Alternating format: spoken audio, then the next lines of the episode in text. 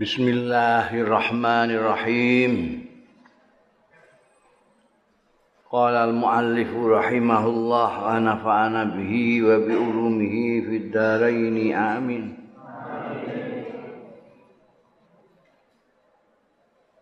ذكر جابر بن زيد رحمه الله جابر بن زيد يقول كنياته Abu Sya'sa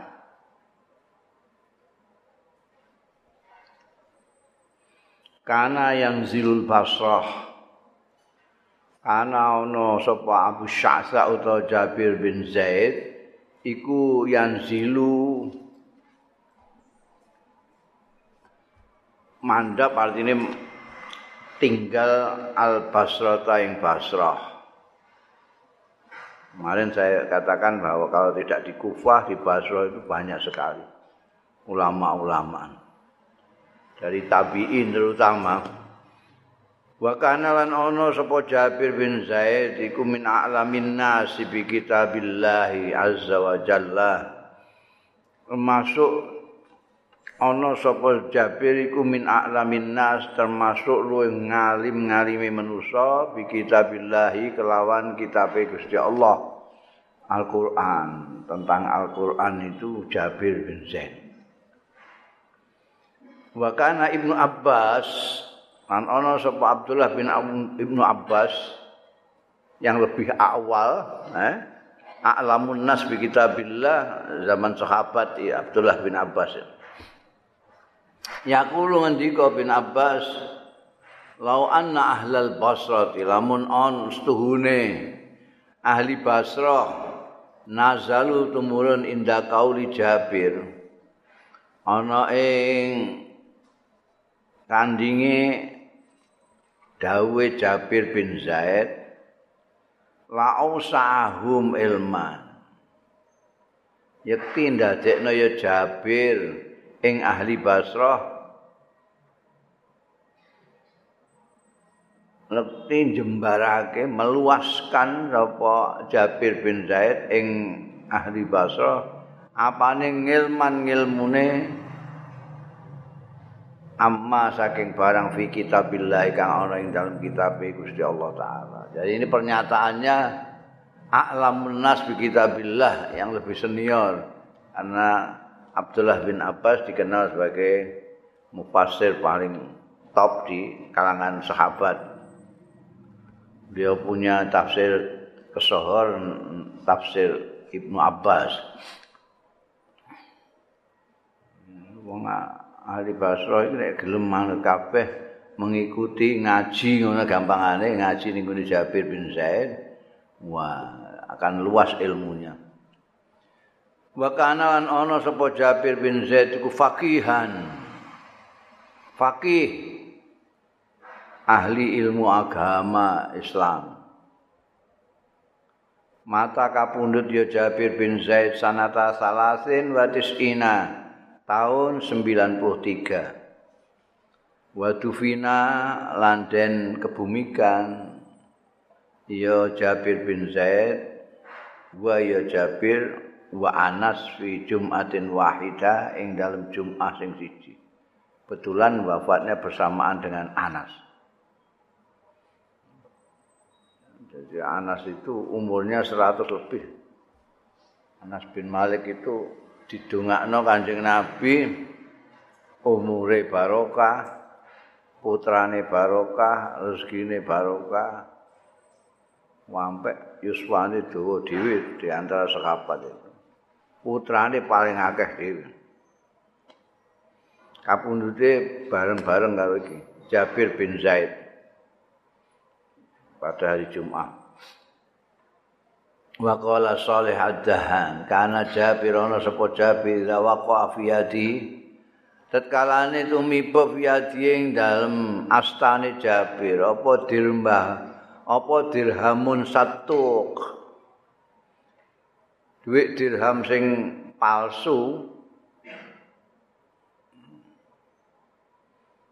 kasarahu mongko mecahake sapa Jabir hu ing dirham. Waroma uga rumia tapi waroma lan melemparkan ya Jabir bihi kelawan dirham mau. Supaya pilih Allah yuhri supaya ora mincuti ora ora mincuti iya dirham bihi ora mincuti bihi apa bihi dirham satu mus alah yuhriya bihi muslimun ngono li Allah yuhriya supaya ora kepencut bihi kelawan dirham sapa muslimun seorang muslim jadi ana duit palsu ku dibuat dirusak gitu supaya tidak ada orang yang kemudian tertarik menggunakan uang itu untuk memalsukan orang.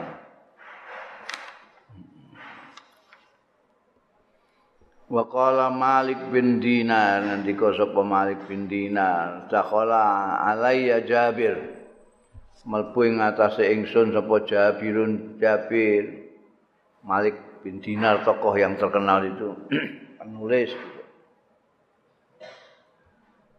Mlebu ing atase ingsun sapa Jabirun Jabir wa ana kali utahe ingsun iku aktubu lagi nulis sapa ingsun. Fakultu kaifa taro ucap sapa ingsun kaifa taro kepriye ningali sampean bagaimana pendapatmu Jabir Kaifa tara kepin ningali sira sunati ing penggaweanku iki ya Aba Sa'sa. Ngene iki ya piye menurut menurutmu piye? Kala jawab sapa Jabir, nikmat sanati sanatuka. Tak bagus-bagusnya penggawean iku dan atuka. Penggaweanmu iki sak apik-apik penggawean wis penggaweanmu iki. tangkulu kitab Allah we mindah kitab Allah ing kitab Gusti Allah min waraqatin saking kertas ila waraqatin maring kertas yang lain wa ayatin ila ayatin mindahkan ayat ila ayatin maring ayat apik iku paling. Wa kalimatin ila kalimatin. Memindahkan dari kalimat ke kalimat. Hadza al halal utawi iku halal sing halal la baksa bi sing ora ana dosa iku majud bihi kelawan hadza. Apik iki nulis iku. Gaweane Malik bin Dina itu nulis biyen sing penggaweane nulis pakai tangan itu Allah yarham Mbah Khalil bin Harun. Mbah Khalil bin Harun itu bar mulang ngaji bengi nulis. Nulis ya apa kitab-kitab sing diji itu oh di dimaknani gandul barang. Jadi wong sugih-sugih iku santri-santri sugih. Sing ngaras-arasen ngesahi ngene iso tuku kitab tulisane Kiai Khalid bin Harun. Tulisane apik. Ini banyak tafsir jalalan ditulis. Alfiah ditulis. Sak maknanya gandul Biar Malik bin Dinar nulis malah Quran ya. Wa qala ja'ani Jabirun bin Zaid. Laqalan dawuh sapa Malik bin Dinar, ja'ani nekani ingsun sapa Jabir bin Zaidin Jabir bin Zaid. Fakadharati shalah. Pas tekone nggonku hadir apa salatu sembahyang. Artine kakek mertamu ning Malik bin Dinar azan waya salat itu fadarati salat itu fa apa mongko ora kersa ya Jabir bin Zaid ayya umman yen to ngimami ing ingsun. Jenengan ngimami. Yin wa qala lan dawuh sapa Jabir bin Zaid. Salasun rabbuhunna ahaqqu bihin. Ana telung perkara. Rabbuhuna sing pemiliknya salah sah iku ahaqqu luwih berhak bihina kelawan telung perkara. Ada tiga hal, tiga perkara yang pemiliknya lebih hak dengan tiga perkara itu. Apa saja itu? Rabbul bait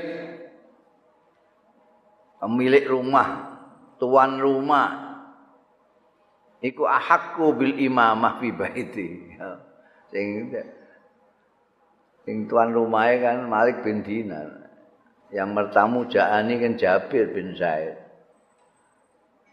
pertama yang lebih berhak Rabbul Bait. Itu akhaku lebih berhak bil imamati kelawan imami fi baitihi ing dalem daleme Rabbul Bait.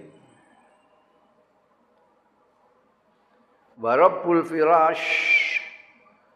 Lan wong sing duweni virus peturon iku akhaku luwih berak bisa divirosi lawan tengah-tengah virus. Eh, nek kepengin turu bareng mbek sing duwe ya kowe ning pinggir. Aku ning tengah, tengah piye? Kok ngono. Rabbul virus berhak di tengah-tengah virus itu.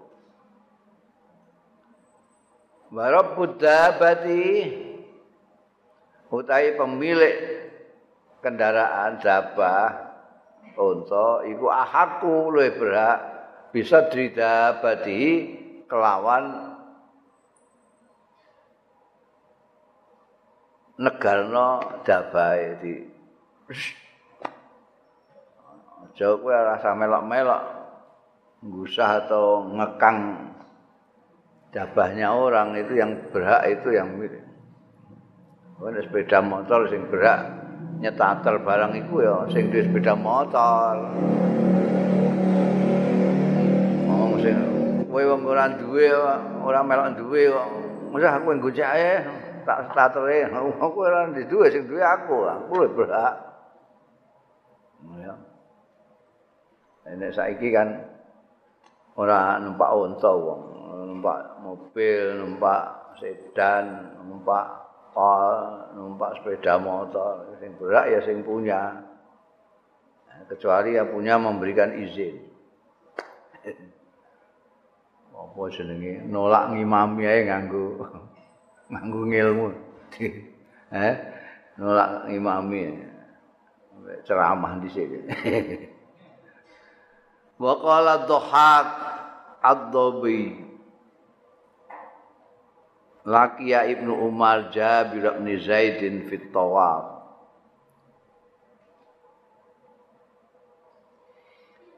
Ketemu sama Abdullah bin Umar, sahabat ya pada waktu itu sahabat muda di zaman Kanjeng Rasul sallallahu alaihi wasallam sama dengan Abdullah bin Abbas.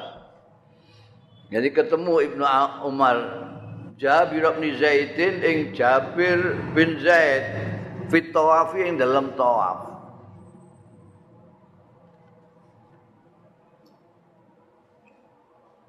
Ninggune matof tempat tawaf itu memang sering terjadi pertemuan-pertemuan dengan orang-orang yang tidak disangka-sangka.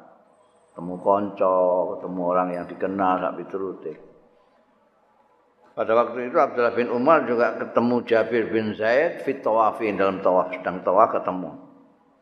Pakola mau sapa bin Umar. Ya Jabir, we Jabir. Innaka setune sira iku min fuqaha ahli Basra. Termasuk ahli-ahli fikih ahli Basra. Wa inna kalan setune sampean iku satu staf bakal dijaluki fatwa sampean.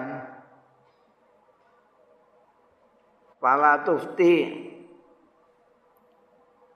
mongko aja memberi fatwa sampean illa bi Qur'anin kejaba kelawan Quran natikin sing bicara? Au sunnatin madhiyatin utawa sunnah yang sudah lewat. Fa innaka maqastune sira in fa'alta ghaira dzalik lamun nindakake sira ghaira dzalik ing liyane mengkono mau. Papat halakta semangka teman-teman rusak sira wa ahlakta lan rusak sira rusak sira lan rusak. Mufti ku aja nganggo akal tok. Ya, mufti itu. Sekarang ini zaman saiki gak ana mufti. Hampir tidak ada. Sing ana iku rombongan. Rombongan iftah ya.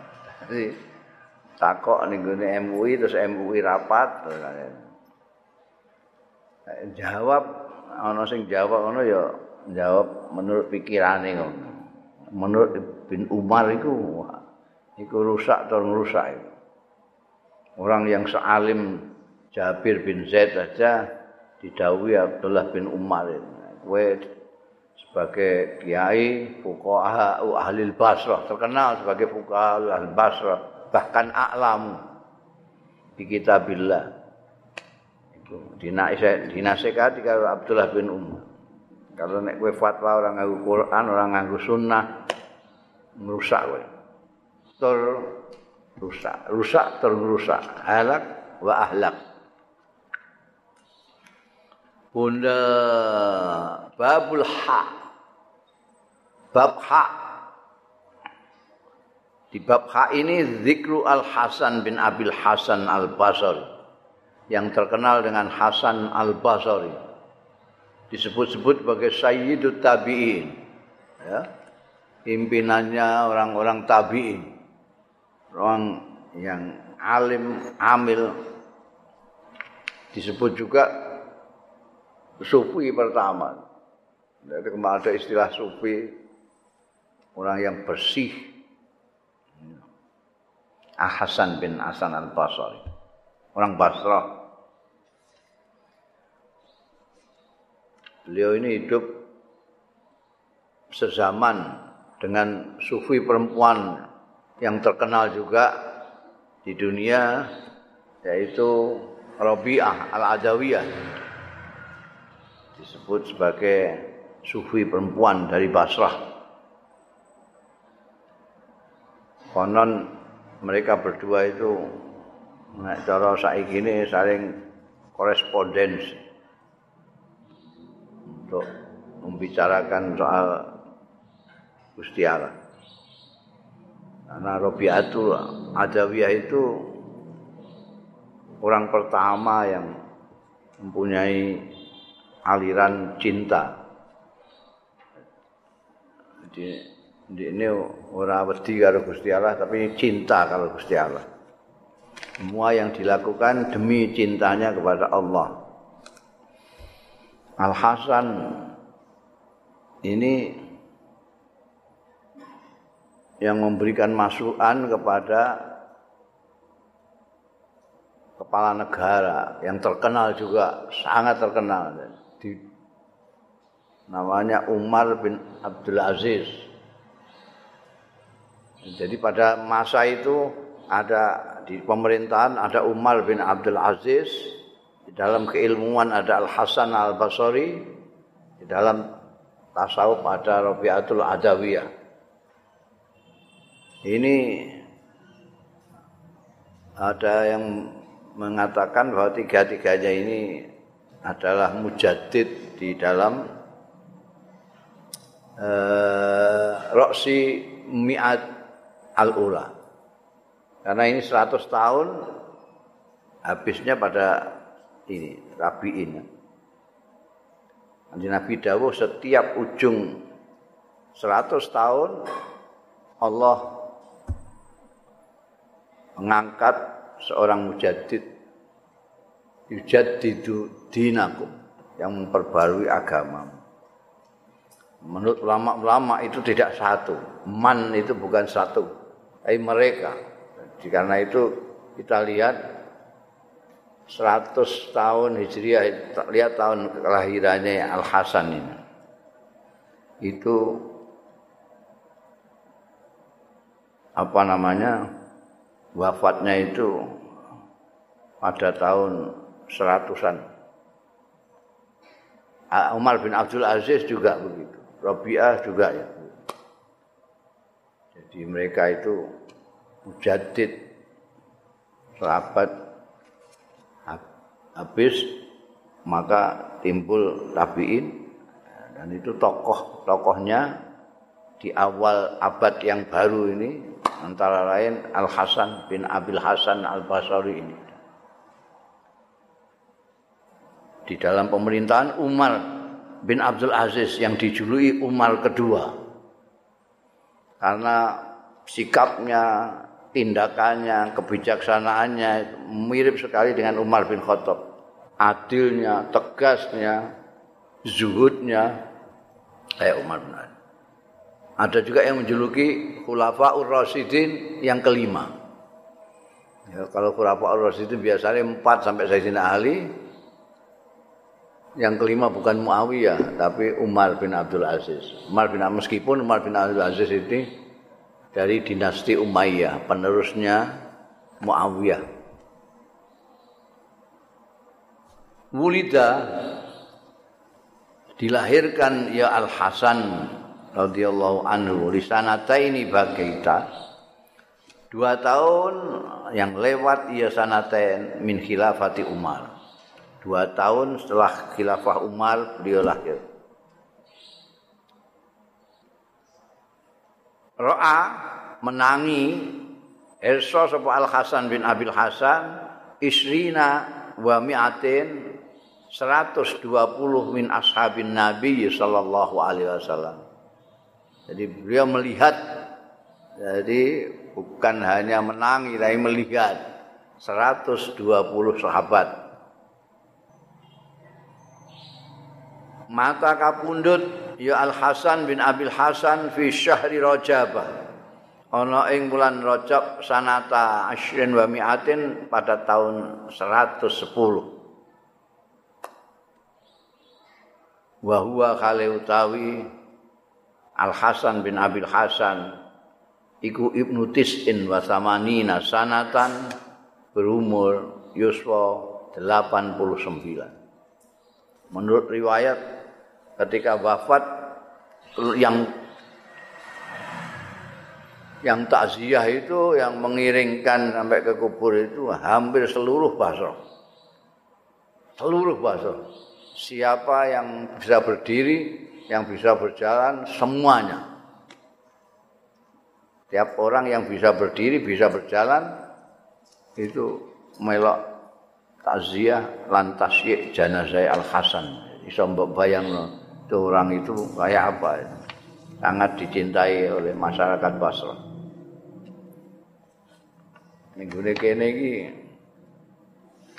biografi ini mau disebutkan gitu toh yang banyak itu faslun fi kalamil hasan wa mawaizi. Ngilmunya beliau yang diceritakan kepada kita. Biografi ini mau ngono tok. Lahir tanggal semene, wafat tanggal semene. Lahir pada dua tahun setelah Sayyidina Umar. Wafat tahun 100 105 100 110 Akan faslun fi kalamil hasan wa mawaizihi. Asal ing dalam pengendikane Al Hasan wa mawaizihi lan nasihat nasihate Al Hasan. Qala Yunus bin Ubaid ngendika sapa Yunus bin Ubaid, "Ma ra'aitu rajulan qattu." Ora ningali sapa ingsun rajulan ing wong lanang qattu babar pisan. atwala husnan ingkang luweh suwe apane husnan susae minal hasani sayang al hasan prihatine sing paling suwe tak aku gak tumon ngungkuli al hasan. Wa kana an ana sapa Al Hasan? Al Basri ku yaqulu ngendika sapa Al Hasan? Latat hak aja guyang guyu kowe. Latat hak aja guyu sira fa innaka la tadri. Fa innaka mongko stune sira iku la tadri. Ora ngerti sira. La Allah monggo la Allah mbok menawa-menawa Gusti Allah. Qadit talaa teman-teman ningali Gusti Allah ala ba'di amalina ing atase sebagian amal-amal kita.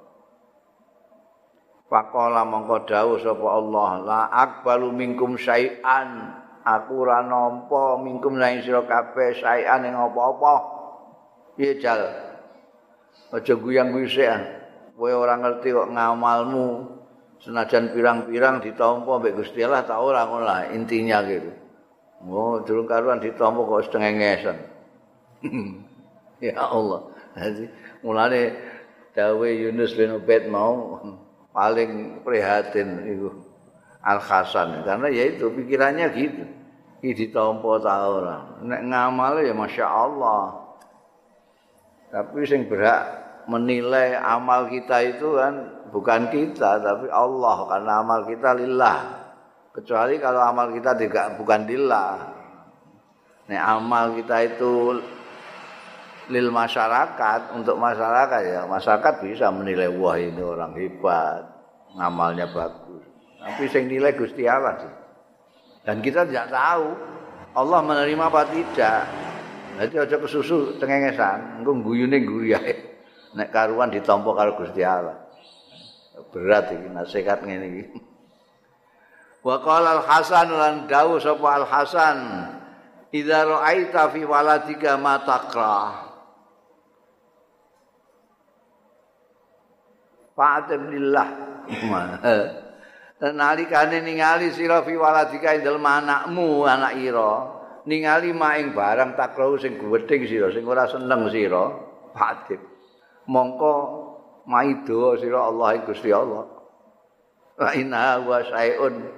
Mongko setune wa ya waladuka iku syai'un sesuatu yura tukang dikesake bihi kelawan alat yuradu kang dikesake bi kelawan waladuka sapa antasira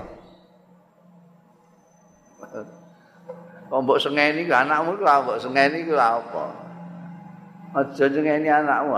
Ngeni Gusti Allah, Gusti Allah ngesakno bocah iku dadi anakmu Gusti Allah. Mbok sengeni bocah e.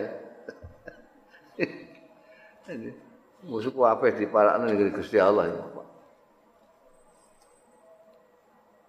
Wa qala Isam bin Hasan Ndika sapa Hisyam bin Hasan kunna ma'al Hasan.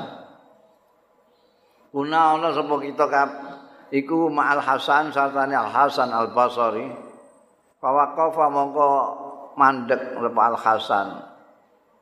Ala kubrin ing atase suwijining kuburan. Faqala Mongko dawuh sapa Al Hasan, "Aisu hadza akhiruhu." La khaira fi awwalihi. Aisu hadza kehidupane wong iki iku akhiruhu. Akhire.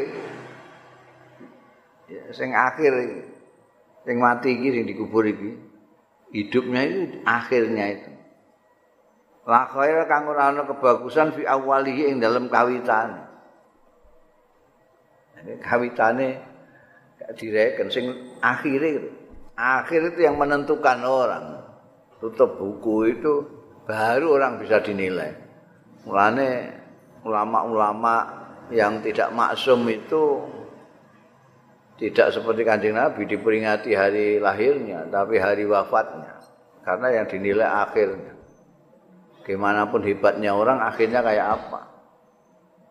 Mulane kita semua selalu mengharapkan akhiran yang baik. Ya. Husnul khotimah itu akhir yang baik. Karena orang penilaiannya di akhir. Saiki masih dalam perjalanan orang itu. ada yang dalam perjalanan itu menggak-menggok ngepot barang itu.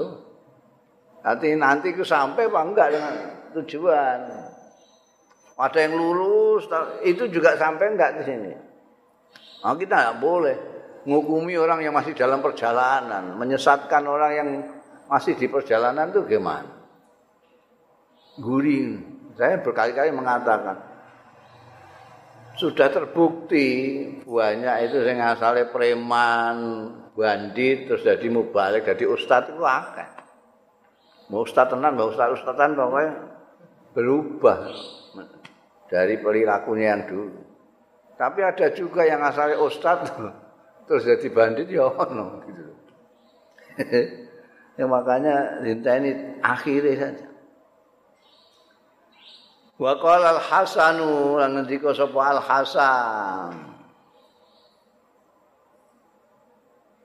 La takhruju ora metu apa nafsu ibnu Adam, jiwane seorang anak Adam, artine menungso minat dunia saking dunya illa bi khasaratin salasin kejaba dengan penyesalan-penyesalan yang tiga.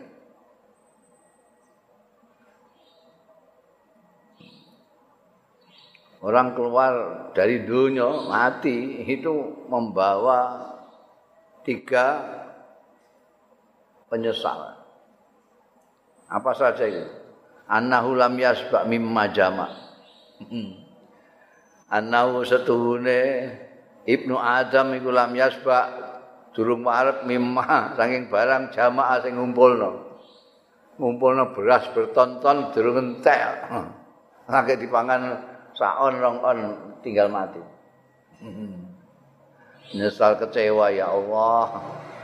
Aku untuk nglumpukno ya ana ya ini semono akeh. Ora kepangan kabeh. Nomor loro. Walam yudrik an ora nemoni, ora menangi maing barang amala sing angen-angen ya Ibnu Adam. Cita-citane durung tercapai eh pengen tuku sepur barang hmm? durung kelakon. Walam yuhsin ini yang penting. Walam yuhsin lan orang bagusake ya Ibnu Adam. Azada ing sangune lima qadima alaihi. Maring barang kang bakal marang barang sing menuju sapa Ibnu Adam alaihi ing atase. Tiga yang ketiga ini belum mempersiapkan bekal yang baik untuk masa yang akan datang untuk hari kiamat untuk akhirat ya. Nek gak kepangan kabeh ya boleh diabaikan lah. Harapan yang belum tercapai juga bisa tapi kalau penyesalan yang paling berat itu karena belum mempunyai modal yang baik untuk masa depannya. Wa qala Abu Marhum Al-Attar. Dakal namal bu sapa kita Ma'al Hasan, sartane Al Hasan Al Basri ala maridin ing atase wong sing lara. Nauduhu tilik kita hu ing marid alam majalasa mongko bareng pinarak. Sapa al hasan indahu ana sandinge marid ora ngendika sapa al hasan. Kaifa tajiduka? Kepiye nemu sira ing awakmu? Gimana? Awakmu rasane piye? Apa kabarnya? Rasane piye saiki kala matur sapa mari. Ajiduni nemu kula ing awak kula. Astahi kepengin atau ama ing pakanan fala akta mongko mboten mampu kula. Kula ayah kepengin mangan rujak mboten mampu. An asyqa yen to menelan kula ing to'am wa astailan kepengin kula asyaraba ing ngombe-ngomben pengin ngombe kula niku mbek sprit ngono.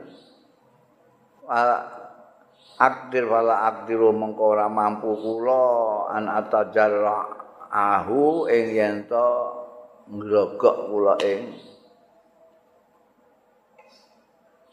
nek pakanan asir nek ning ngene omben-omben atajarra jadi menelan maknane menelan kabeh tapi penggunaannya bahasa Arab itu beda-beda. Iki sego apa banyu?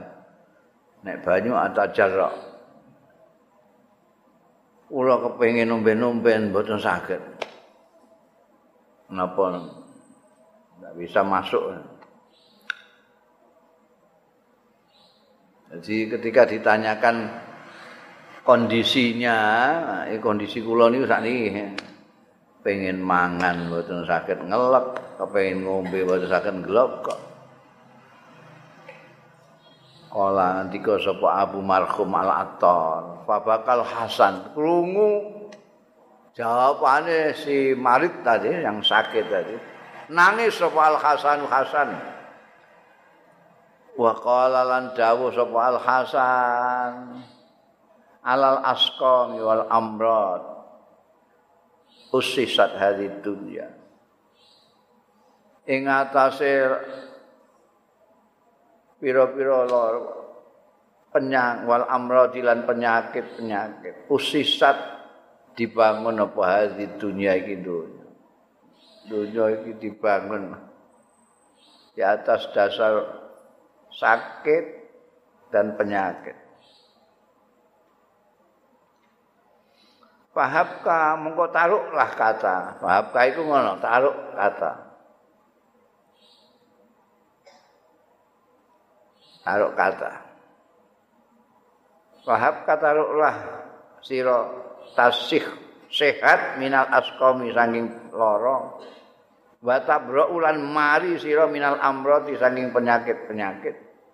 Hal takdiru ana to mampu sira ala antan jua ing atase yen to slamet sira minal mauti saking mati. Wong loro dikandani. Eh, panen dunya iki ya ngono kuwi. nangis, dia nangis. Kelingan dunia itu memang dibangun atas sakit dan penyakit. Kalau kamu misalnya sehat, tidak sakit, mari dari beberapa penyakit, apa mampu kamu menghindari kematian? Bareng ngendika ngene kala ndika sapa Abu Marhum Al-Attar. Fartajal bait. Mongko gemuruh apa al baitu minal bukai saking tangisan. Wo gembul nangis kabeh. Mereka Dawi Al Hasan menyentuh semua orang yang hadir itu.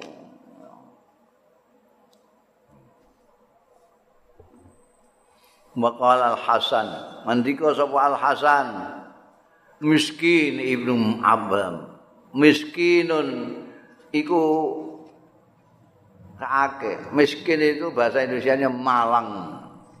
Malang sekali ibnu adam itu. Miskin. Kaake kaake anak adam Rodia kok puas ana wong kok puas bidarin ana ing dal ana ing alam, ana ing perkampungan. Halaluha kang utahe halale dal iku hisabun. Ana perhitungane. Wa haramu wa utahe harame dal azabun iku siksa.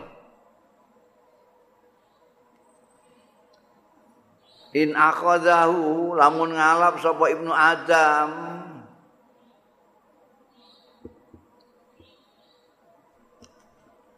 in akhadahu Hune rujuke ning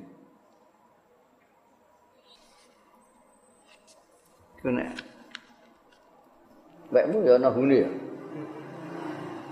Iya Ini biasanya sing bener iki ya. In akhadhahu juga apa?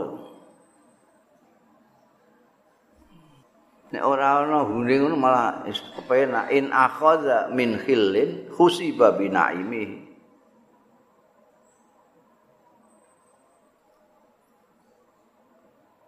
ya digawekno dhewe wae in akhadhahu lamun ngalap sapa ibnu adam. Hu ing mabidarin sesuatu yang ada di dar itu apa halal apa haram. Makanya terus dijelaskan nek min khilin in akhadahu lamun ngalap sapa ibnu adam hu ing sesuatu yang ada di dalam dar min khilin saking halal kusiba mengko dihisab sapa ibnu adam binaimihi kelawan kenikmatane sesuatu itu Wa in akhadahu lamun ngalap sapa Ibnu Adam hu ing sesuatu yang ada di dalam jar itu min haramin saking haram udziba mongko disiksa sapa Ibnu Adam bihi sebab haram iku.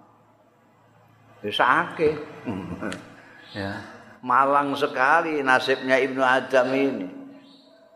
Ibnu Adam yang puas dengan dar ini dunia itu. Itu kan ada darain dar dunia wa darul akhirah. Sing dimaksudnya dar ini dar yang halalnya itu dikisap haramnya diazab.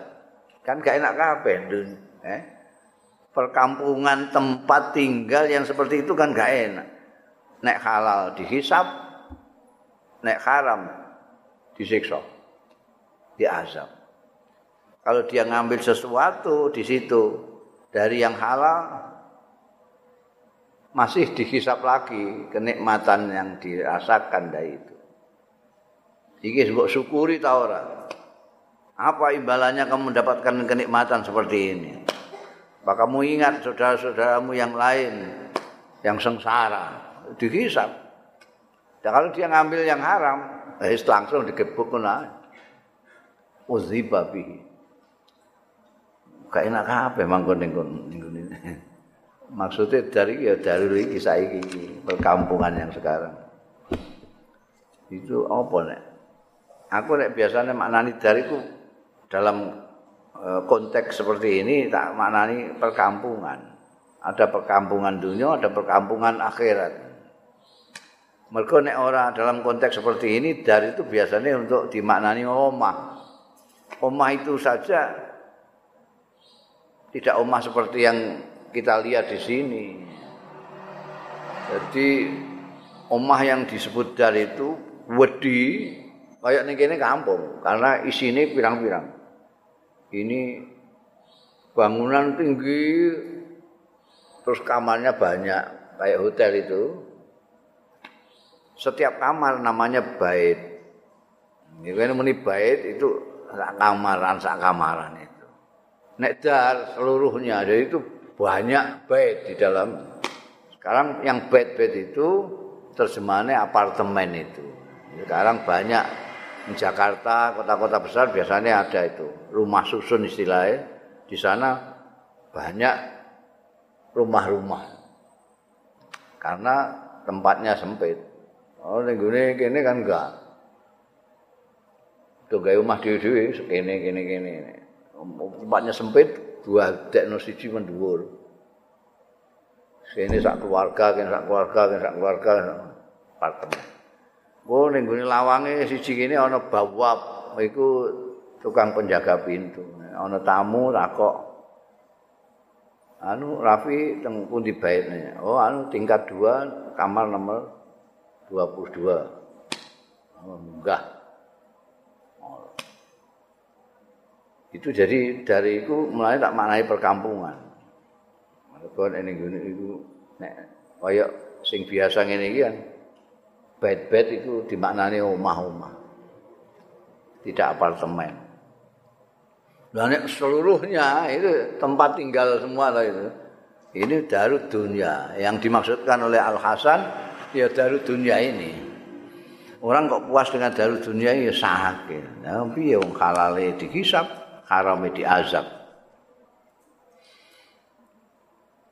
kok dihisab lha kowe ditakok ya iki tom tuku nggih kok tumbas. Duit sing mbok tuku. Wis macam-macam itu. Duit ditakokno kanggo hmm. materinya sendiri itu halal ta ora? Yang untuk membeli materi itu halal ta ora? Mbok syukuri ta ora? Mbok bagi karo kanca-kancamu ora? Banyak pertanyaan hisab hmm.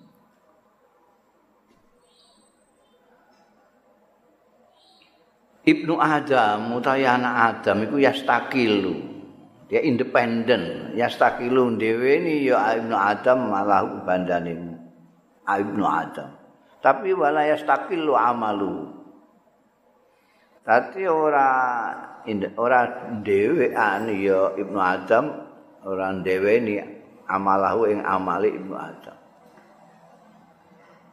Yafrahu bi musibatihi fi dinihi. Gembira sapa Ibnu Adam bi musibatihi sebab musibahe Ibnu Adam fi dinihi ing dalam agamane. Wa yadzau lan yadza susah kakake susah itu apa?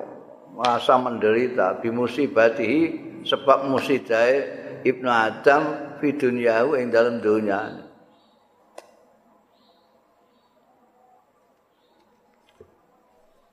Harta itu satu. Tapi orang Ibnu Adam itu macam-macam. Umumnya Ibnu Adam itu hidupnya aku senang, gembira, kalau akan dapat musibah di akhirat, di agamanya. Tapi susah tak pore nek musibah di urusan dunia ini. Kan mbok perhatekno orang-orang itu Ibnu Adam orang-orang, orang-orang itu itu nek ning gone agamane enggak bener. Itu kan musibah dalam agama. Itu enggak pati penting. Sing penting ning gene urusan dunia kasil. Urusan agama iku bangsa golek halal, bangsa tidak nerjang eh, apa angger-anggere Gusti Allah. Itu agama. Demi untuk dunia wis agamane rusak gak apa-apa. Makanya dia gembira. Rusak agamanya kok gembira. Mereka apa? Mereka untuk dunia ini. Orang-orang yang korupsi itu, itu agamanya kan ya musibah lah. Musibah. Wong mangan bandane wong siji ae dosane gak karu-karuan ini mangan bandane rakyat semenake. Iki musibah besar. Tapi ini guyang-guyu, soalnya orang ketangkep. Eh? Lu wis ketangkep aja cengengesan, jelas fotone. Eh, ketangkep wis nganggo klambi oranye ya, dipoto guyang-guyu. Hmm. Biasa nek ketangkep terus ketunan. Sing wedok terus jilbaban. Ambek guyang-guyu. Iku padahal untuk musibah nih agama. Sementara nek musibah dia kerugian di dalam soal dunia. Wah rugi aku dadaan melok pengajian bareng keliwat iki untuk berarti gak sido. Ya susah ya karuan. Padahal dia untuk berarti soal agama karena kecewa karena kelangan dunia mau. Yadza'u bi musibati fi dunyahu. usahe ra karu-karuan. Musibah ae ning gone agamane gembira. Wa qala an dawuh sapa Al Hasan ta'il alba.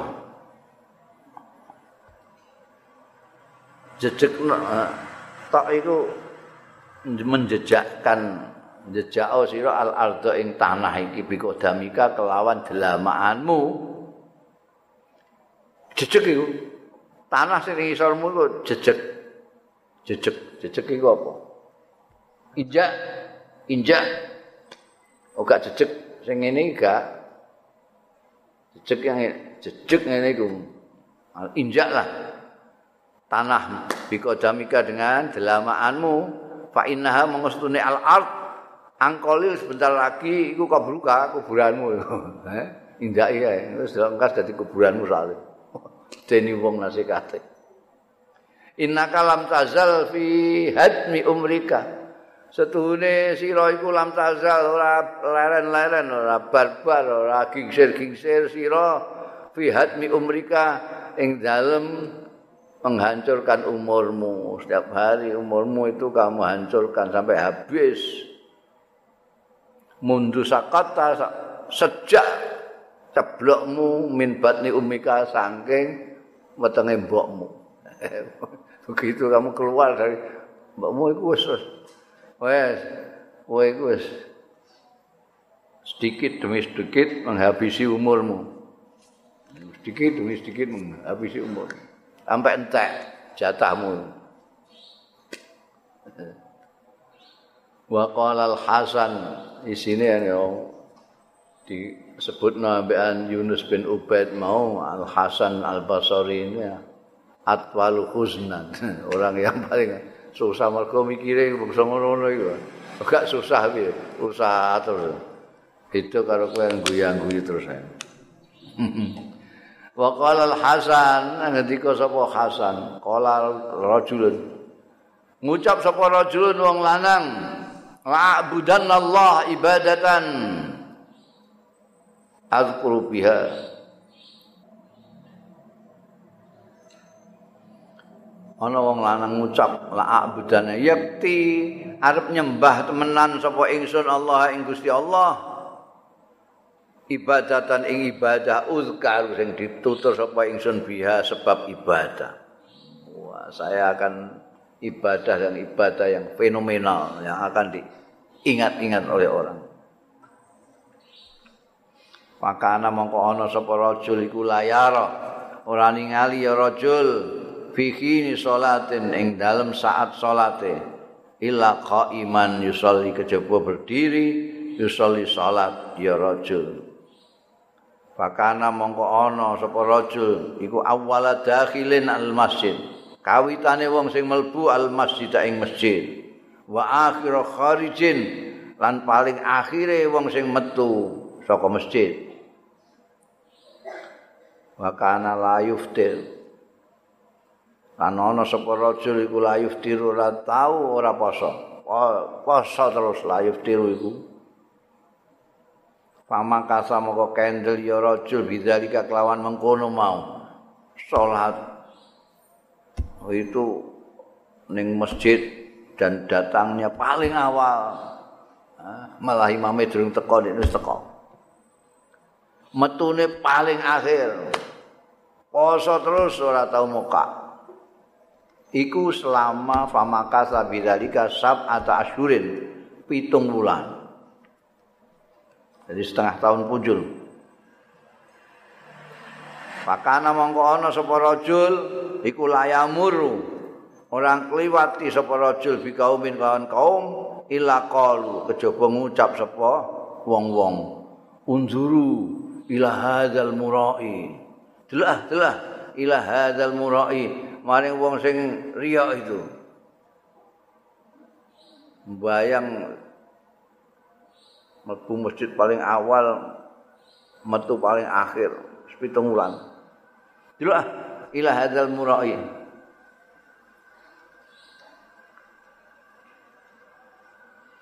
Pak Akbal mongko madhep sapa rajul ala nafsihi ing atase awak dhewe ne faqala mongko ngucap ning awake dhewe ala arani alla al-qura bisyar ah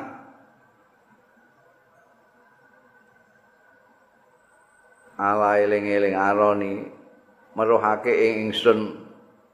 Ala azkura bisa ing yen ora ditut ala uzkar yen ora ditutur sapa ingsun bisa kelawan or Dadi mau kepingin ibadah sing ngantek di ibadah yang sampai dibicarakan orang lho karepe. Terus makanya dia masuk masjid lebih awal, keluar lebih akhir. Wan itu ketok-ketokno tenan supaya dirembuk mbek wong. Pikirane iku wah iku lho sembayang hebat. Ternyata bareng dilakoni pitung wulan, wong iku ngrembuke ora ngrembuk apik. Ngrembuke elek, itulah pamer kalau wong pamer, pamer masih elek-elek. Padahal rencanane pikirane ndekne dirembuk apik. Wah, empolan iku. Wong abid tenan iku. Ngono jan.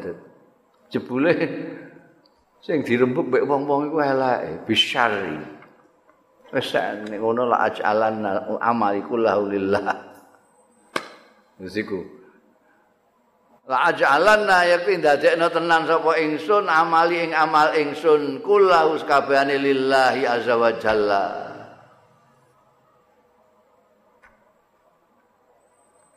Eh?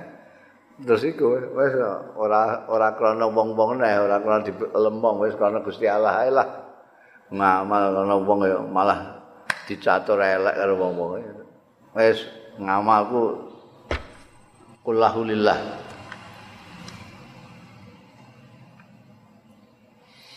Qala falam yazid ala angkul angkol labaniyatau mongko ora nambahi sapa rajul ala angkol laba ing atase entong malik ngerubah iya rajul niatahu ing niate rajul. Dari kepengin ditutur karo wong terus menjadi lillahi ta'ala.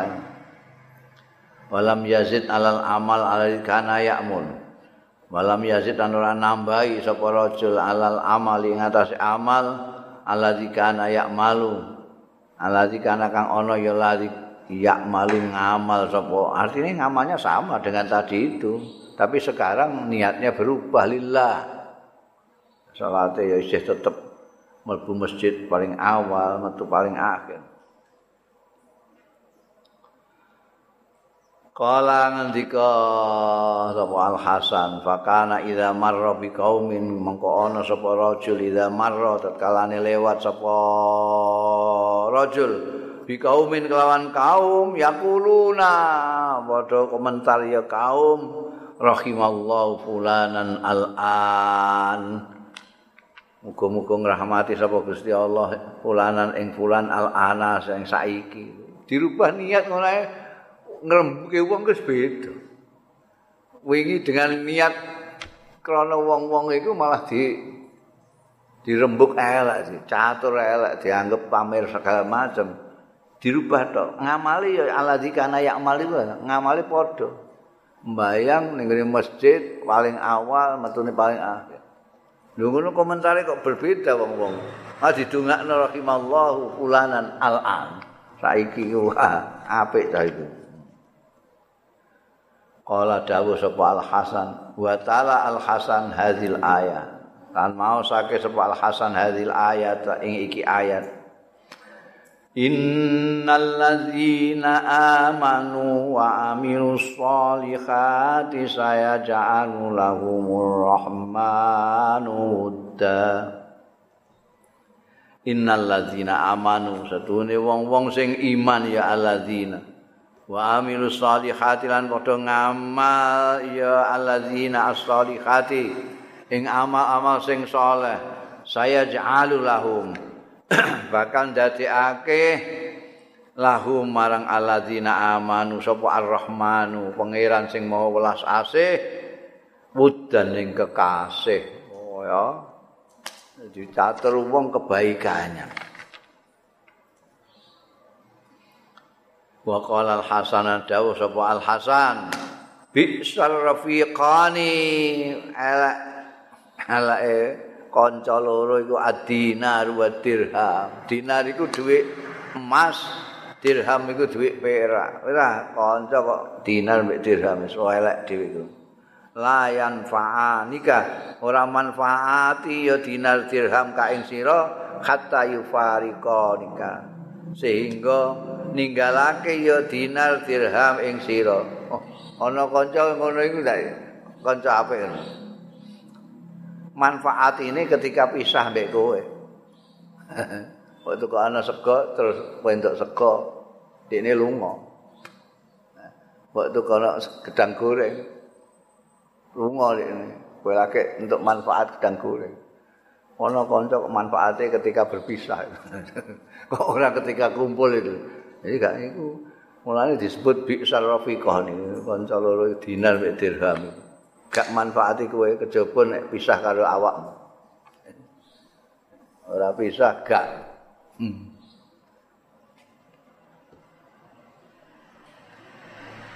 Wa qala al-Hasan lan dawuh sapa al-Hasan al-mu'minu wa qala al-Hasan wallahu a'lam.